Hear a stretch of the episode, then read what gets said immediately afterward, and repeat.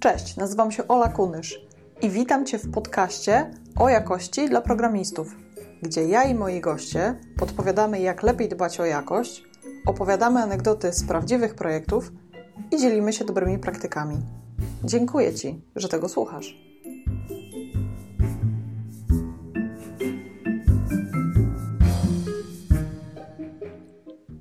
Zapraszam Cię do przesłuchania rozmowy z Eweliną Dziedzic, która od siedmiu lat zajmuje się tworzeniem dobrej jakości oprogramowania spełniającego potrzeby biznesowe klienta.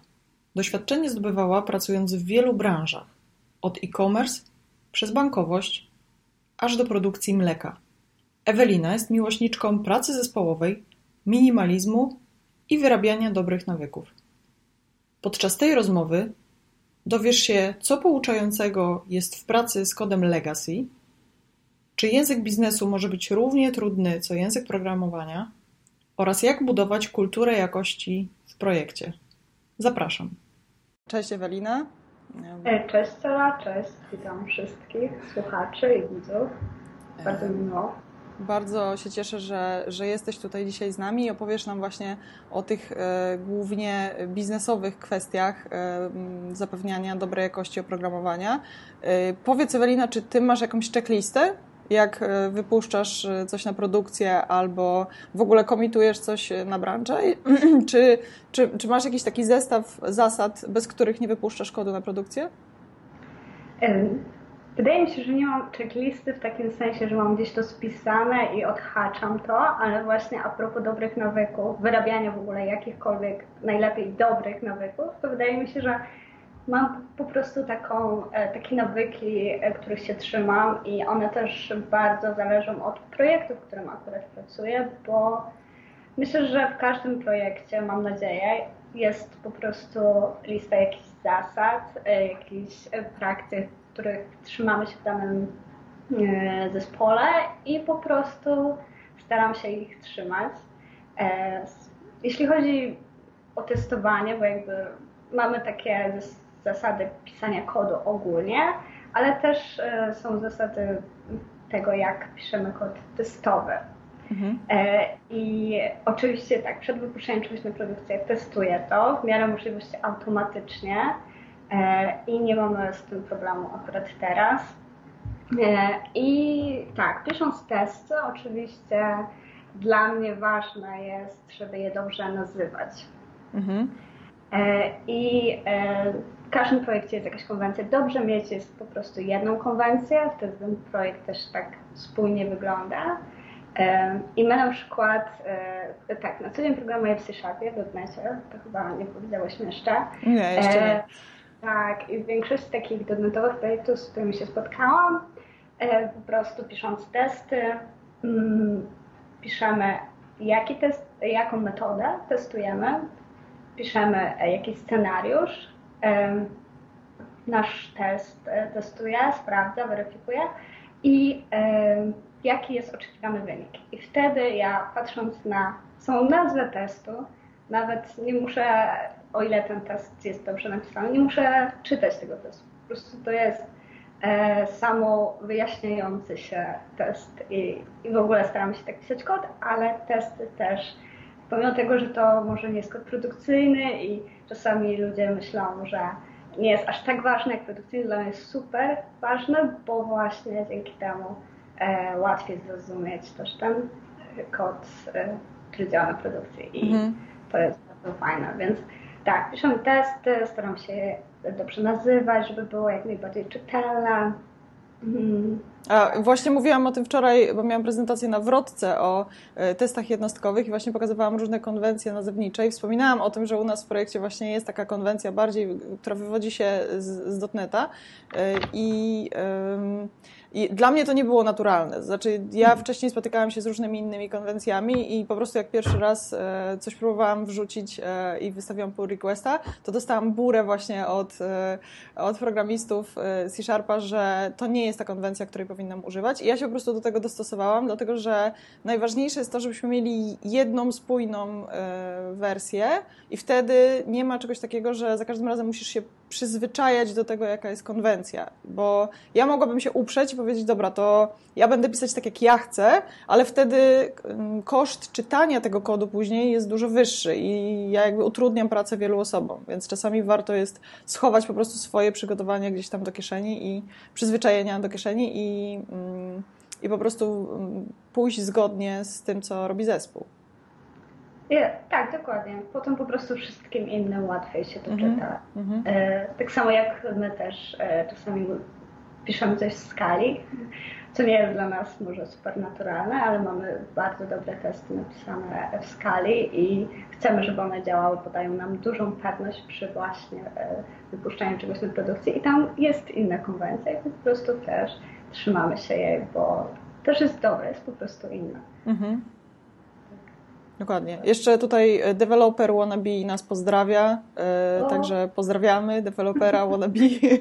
Tak, bardzo miło, że w ogóle udało nam się połączyć, pomimo wszystkich tak. problemów technicznych, jakie nas, Oczywiście. nas dzisiaj spotkały, wraz z brakiem prądu. tak. Pozdrawiamy. E, Ewelina, mówiłaś o, o checkliście. Czy coś jeszcze jest do spełnienia przed wypuszczeniem kodu na produkcję? Mm, no, oczywiście mam jakieś tam e, reguły dotyczące formatowania kodu, e, jakichś innych dobrych praktyk, code review przede wszystkim. E, tak, to się wydaje dla mnie takie naturalne, oczywiste, że wszyscy to robią i mam nadzieję, że wszyscy to robią. Ale tak, niestety tak, nie. niestety nie. E, tak. E, w sumie nam też się zdarzało, że byliśmy w takim pośpiechu, że wydawało nam się, że to code review to jest strata czasu, ale mhm. wcale tak nie było. Więc e, tak, już nie idziemy na takie ustępstwa i robimy code review, więc jeśli o czymś zapomnę, to na pewno ktoś e, z zespołu mi o tym przypomni. Mhm. E, no i też testu, testujemy manualnie. Moim zdaniem to i tak jest ważne. Niestety zdarzało mi się takie testy, które E, testowały jednostkowo całą funkcjonalność, a jednak coś było nie tak, bo mhm. o czymś zapomniałam, albo nie przetestowałam integracyjnie, a jednak integracyjnie też e, trzeba sprawdzić e, daną funkcjonalność i, i testy manualne. No i mamy po prostu różne środowiska, staram się, żeby jeszcze ktoś inny, jakaś inna para oczu spojrzała na to, co robię. Ja sama też E, tak jak wspominałaś kilkakrotnie, nie mamy testerów, więc po prostu dzielimy się tą pracą testowania e, w zespole, prosimy naszych e, kolegów i koleżanki z biznesu, żeby nam też w tym pomogli. Mhm. Także przede wszystkim trzeba wszystko dobrze sprawdzić. Tak. tak. E, tak, tak jak wspomniałaś, nie mamy akurat testerów w tym projekcie, w którym jesteśmy. A powiedz, jak wcześniej pracowałaś w projektach z testerami, to pisałaś mniej testów? Nie, zdecydowanie nie. E, wszystko wygląda tak samo. E, jakby jeśli są testerzy, dla mnie to nic nie zmienia i tak e, chcę pisać jak najlepszy kod i, i nie budować jakby dodatkowej pracy testerom, żeby mi zwracali tą funkcjonalność czy poprawę błędu wielokrotnie.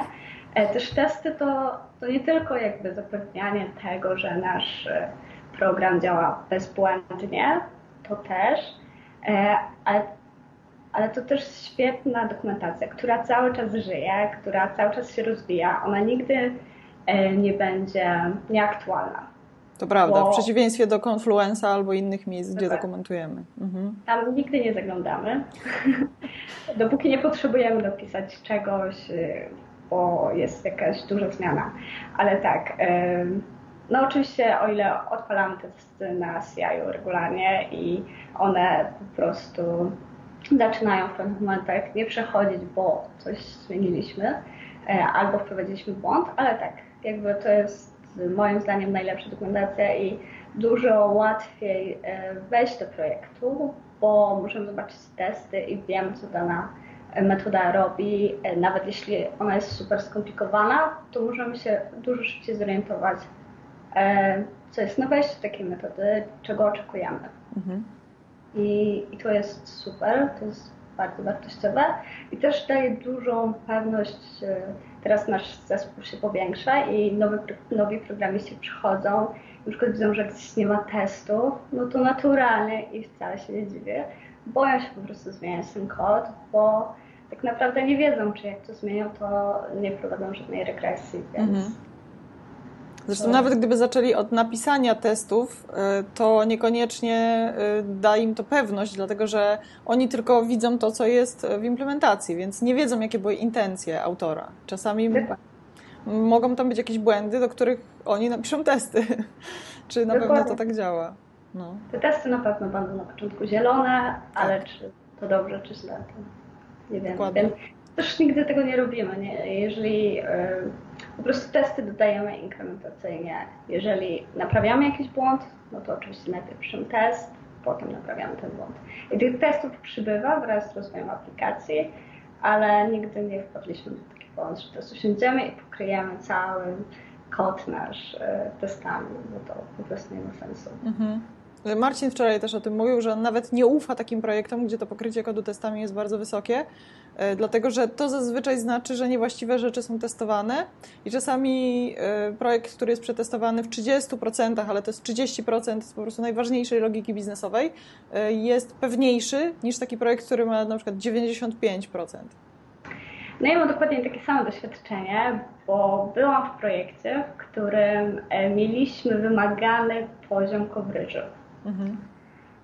I e, e, fajnie, że byłam w takim projekcie, bo nauczyłam się bardzo wielu złych praktyk i widziałam je, w sensie nauczyłam się, widziałam je. Mhm. I nauczyłam się, że tego nie powinno się robić i dużo się słucha o tym, że ten test coverage jest zły, ale jak się to widzi w praktyce, to jakoś tak lepiej się to przyswaja, przynajmniej ja lepiej się uczę, jak coś widzę i coś robię. Mhm. E, I e, tam właśnie widziałam to, że były testy bez asertów e, i to takie wywołanie metody, która po prostu uruchamiała wiele innych metod. I ten mhm. coverage był naprawdę liczby były duże, mhm. ale potem jak zaczęliśmy to sprzątać i, i po prostu nie, nie, dało się utrzymać tych liczb, bo to po prostu nie miało sensu. Mhm. Tak, tak. Nie Nieźle. Polecam. No to jest bardzo ważne, co mówisz, że powinno się y, nabierać własnych doświadczeń i własnego punktu widzenia na różne rzeczy, bo my czasami, y, to jest akurat taki przykład, że jakby powinniśmy zdawać sobie sprawę z tego, że y, jakiś tam procent, którego się od nas wymaga, to jest taki trochę smell i że to niekoniecznie jest fajne, ale czasami podążamy ślepo za tym, co usłyszymy gdzieś tam na jakiejś e, konferencji i wydaje nam się, że to jest złe albo tamto jest złe, a tak naprawdę nie mamy z tym żadnych doświadczeń, więc ważne jest to, żeby e, samodzielnie myśleć po prostu i obserwować świat i, i nabierać swoich przekonań na podstawie tego, co, co udało nam się zobaczyć i doświadczyć samemu, a niekoniecznie gdzieś tam zasłyszeliśmy w internetach. No tak, doświadczenie z pewnością dużo daje. Pewnie mm. za 10 lat będziemy mogli powiedzieć jeszcze coś więcej na ten temat. Dokładnie. Jutro będzie Dobrek, który ma 15 e, lat doświadczenia w programowaniu, to myślę, że on jeszcze e, inną perspektywę będzie mieć na ten temat. Także... Tak, z przyjemnością wysłucham. Ja też. E, a, a propos tego doświadczenia, to jak szlifować umiejętności pisania testów? Jak ty to robiłaś i jakie materiały polecasz? Tak, aktualnie oczywiście oglądam wszystkie webinary Szkoły Testu i o, gorąco polecam, naprawdę. Można się wiele rzeczy dowiedzieć i e, nawet dla mnie był ciekawy webinar z Magdą, gdzie rozmawiało się o Prophet-Based Testing i naprawdę super, także e, jest wiele bardzo dobrych e, materiałów w sieci. E, ogólnie tak, ja miałam takie szczęście, nieszczęście, że trafiłam do projektu, w którym e, takiego legacy. Mhm. Miał projektu, którego wszyscy programiści się wystrzegają i, i wszyscy chcą pracować w nowych technologiach, greenfieldach.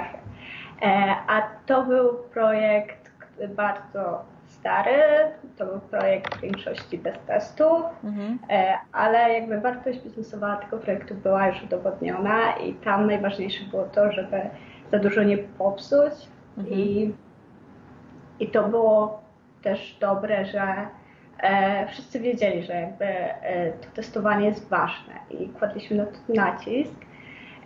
I w takim projekcie właśnie, no, ja tam mało pisałam kodu produkcyjnego, bo na przykład naprawiałam błędy, których nikt nie chciał naprawiać. Mhm. Ale dzięki temu pisałam bardzo dużo testowego. I też to była w ogóle taka aplikacja, może ciężko teraz e, komuś uwierzyć, ale w której nawet nie było e, żadnego kontenera dependency injection. Więc mhm. testowanie jednostkowe było naprawdę mega trudne, przynajmniej tego oryginalnego. Czy to tylko ja? E, nie, chyba Ewelina nam się troszkę rozłączyła. O, Ewelina, możesz powtórzyć od momentu, że ciężko było zrobić dependency injection, bo cię straciliśmy na chwilę. Aha, że w ogóle nie było. Nie było, tak, dependency injection, no.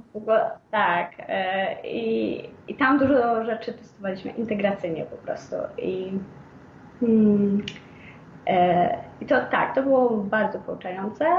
E, I w tym czasie też właśnie tak sobie myślałam, że tam E, mają te fajne aplikacje, nowe technologie i w tym czasie przeczytałam taką e, bardzo fajną książkę, e, którą napisał Michael Feathers, mhm. Working Effectively with Legacy Code. Mhm. Właśnie ona pokazuje, jak, jak ważne, jak trudne, jak potrzebne jest testowanie takiego legacy code'u i jak można to zrobić bezpiecznie. Mhm. I to bardzo polecam, naprawdę. Zmienia taką e, perspektywę też patrzenia na ten e, legacy code, którego tak często się boimy i nie chcemy z nim pracować. Moim zdaniem e, jest to bardzo wartościowy kod. Mhm. No właśnie, bo tak jak mówisz, to już są projekty, które się udały. To są projekty, które przynoszą pieniądze i, i dla nas, programistów, może takie mm, niezbyt atrakcyjne, ale z drugiej strony tam jest bardzo dużo wartości i bardzo dużo się można nauczyć poprzez samo czytanie tego kodu, zwłaszcza jak ktoś zaczyna y, pracę z programowaniem. I, tak. bo, bo, nie zawsze będziemy tylko pisać, tylko właśnie najczęściej czytamy kod w stosunku, jakby proporcje czytania i pisania kodu są jednak e, po stronie, e, przeważają na stronę czytania. Więc jak się osoba nauczy czytać taki legacy code, który jest sprzed 10 czy 15 lat i, e, i ktoś zupełnie inne wzorce projektowe stosował, jakieś inne praktyki programistyczne, które wtedy być może były dobre, a dzisiaj są antypaternami, no to tym łatwiej będzie takiej osobie czytać e, taki kod e, codzienny, jakby z takiego Greenfielda. Dokładnie. Tam też właśnie a propos tych praktyk i testów były, kiedyś się komentowało test, tak? bo mhm. e, kontrola wersji nie zawsze nie, nie było, nie działała. Ludzie sobie mailem wysyłali kod, nie wiem, ale tak, e, tak zakomentowany test, zakomentowany kod. E, no i właśnie e, tak jak widziałam te zakomentowane testy, to tak chciałam je odkomentować, chciałam je naprawić, ale one często już się nie kompilowały i w ogóle nie przechodziły.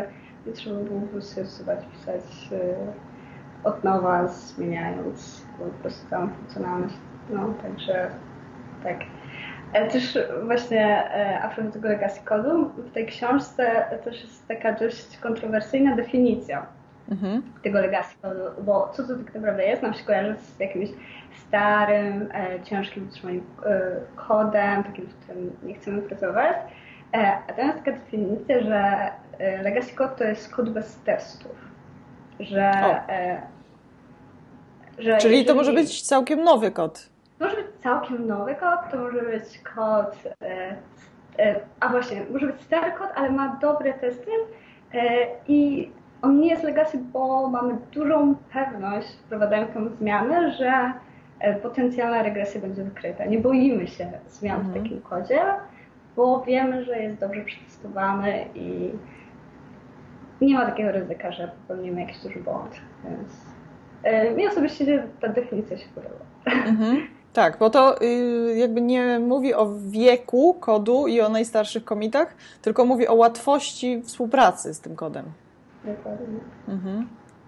A odnośnie takiej współpracy zespołowej, to masz jakieś dobre y, praktyki przy robieniu code review? Bo, bo, no bo code review jest jednym z takich y, podstaw, tak jak mówiłaś, zapewniania jakości w projekcie. Y, I mi na przykład bardzo się podoba nasz proces code review i jakbyś mogła trochę więcej opowiedzieć o tym, jak ty podchodzisz do robienia takiego code review.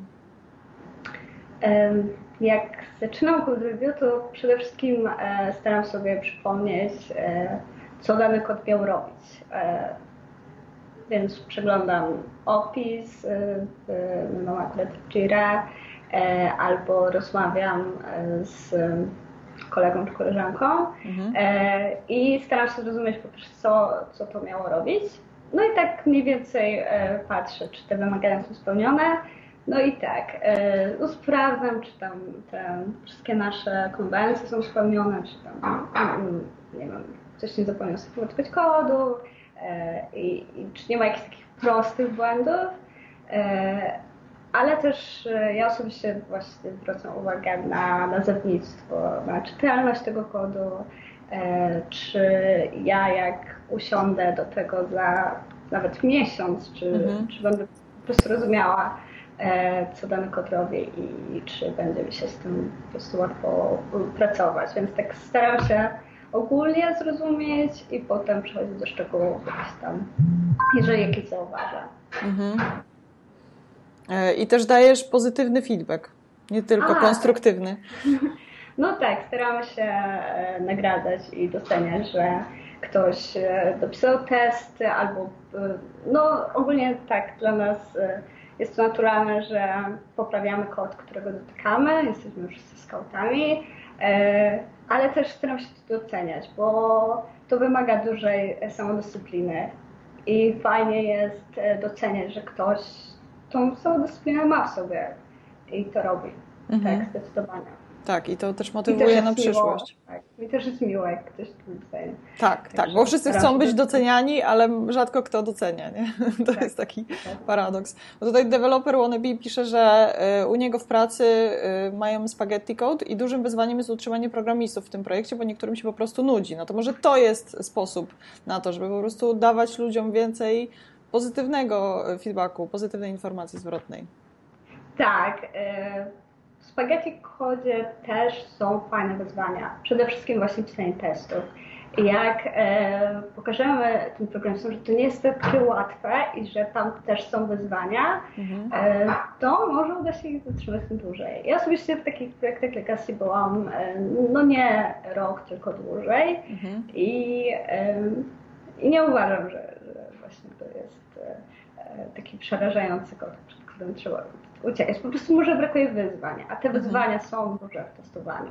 Tak. E, ale też trzeba lubić wyzwania, bo ty ewidentnie lubisz wyzwania, ale nie każdy się tak rzuca na, w nieznane. Może warto to jakoś zgamifikować na przykład i zrobić jakiś ranking albo coś takiego i w ten sposób zachęcić ludzi do tego, żeby byli skautami.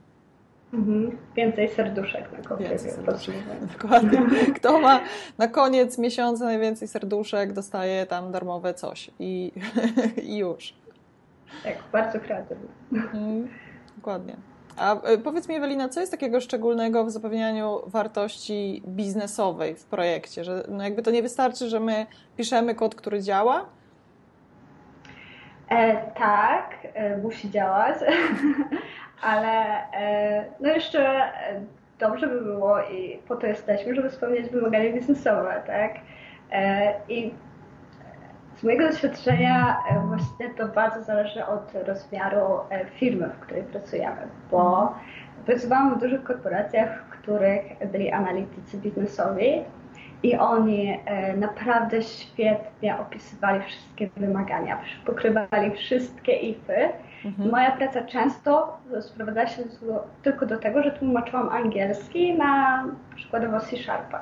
Mhm. I naprawdę y, to była taka, no dla mnie mało wymagająca praca, y, bo tam były mała szanse, że, że coś jest niezgodne z tymi wymaganiami. Może te wymagania były y, źle przygotowane, ale jakby na tym kończyła się moja rola. W moich projektach to wygląda trochę inaczej, bo My jako programiści jesteśmy po prostu e, częścią też tego zespołu biznesowego tak naprawdę i bierzemy e, udział w tworzeniu tych wymagań. I często dostajemy tylko jakieś takie pomysły, które po prostu trzeba doprecyzować. I musimy jakby zadawać dobre pytania, spisywać to często, dopytywać. E, Więc po prostu tak, tworzymy te wymagania razem z biznesem i po prostu trzeba umieć się komunikować z tymi ludźmi z tym biznesem i starać się znaleźć jakiś wspólny język, bo mhm. z, tego, z tego mojego doświadczenia wynika, że ten język często jest problemem, mhm. bo często e, mamy jakieś pojęcia i nazywamy e, je różnymi słowami, albo tymi samymi słowami opisujemy różne pojęcia i dlatego też e, m, powstają jakieś nieporozumienia i, i może tworzymy coś, czego biznes tak nie do końca chciał. Więc mhm. bardzo dobrze jest mieć taki słownik pojęć i po prostu trzymać się go i ze strony biznesu i, i też programiści po prostu muszą nauczyć się tego biznesu moim mhm. zdaniem, żeby być w stanie e, tworzyć oprogramowanie, które spełnia te wymagania. Mhm. Czyli nie tylko języki programowania, ale też język naturalny, czyli komunikacja po prostu w zespole. Tak, komunikacja i język biznesu też często są jakieś specyficzne pojęcia w branży bankowej, w branży e-commerce. Mhm. E, branża e-commerce akurat jest taka może dla nas bardziej naturalna. Branża, branża bankowa, tak, po prostu trzeba się nauczyć pewnych rzeczy. Mhm. E, tutaj Tomek pyta, e, jak zachęcić deweloperów do pisania dobrego kodu, a nie quick and dirty. Pozdrawiam Tomka. e, no tak jak mówiliśmy, mówiłyśmy, tak, pozytywny feedback, po prostu na code review nie możemy pozwolić na to, że, że ten kod jest jaki jest i też wymagać od e, siebie i wymagać od innych. Mhm. Tak myślę. Czyli budowanie dobrych nawyków po prostu. Dokładnie. Mhm. I jeszcze deweloper Wannabe e, pyta, e, jak silniej włączyć e, seniorów do review. Nie, to jest sugestia. Przepraszam, to jest sugestia, ale tak. tak znaczy. Wszystkich w zasadzie trzeba włączyć do review, bo i z jednej strony są wartości, i z drugiej strony są wartości. Mhm. Jeszcze tylko dopowiem jedno zdanie do tego, co Tomek pytał. Mhm. Wydaje mi się, że też po prostu musimy dawać dobry przykład i e, jakby e, myślę, że każdy zauważa to i też chce mm, być taki jak e, osoba, która ten dobry przykład daje. Więc mhm. Myślę, że warto. Może tego nie widać od razu, ale po jakimś czasie zdecydowanie tak. Tak, czyli zmiany zaczynamy głównie od siebie, bo tylko siebie tak. możemy zmienić. Mamy wpływ tak, na siebie. Tak, nie tak, mamy niestety wpływ na nasze otoczenie.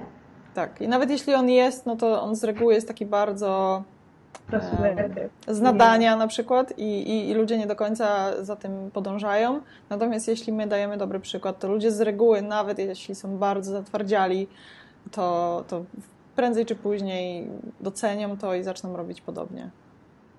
Dokładnie. Dokładnie. Super, Ewelina. Dzięki wielkie. E, dużo Dzięki, wiedzy. Bardzo dziękuję Ci za poświęcony czas. Jeśli ten odcinek dał Ci wartość, to podziel się nim w social mediach albo wyślij go do jednej osoby. W notatkach do odcinka znajdziesz linki do bloga, kanału na YouTubie i mojego Twittera. Jeśli masz jakieś pytania albo sugestie, to napisz do mnie na olamałpka szkołatestów.online. Niech moc będzie z Tobą. Ola Kunysz.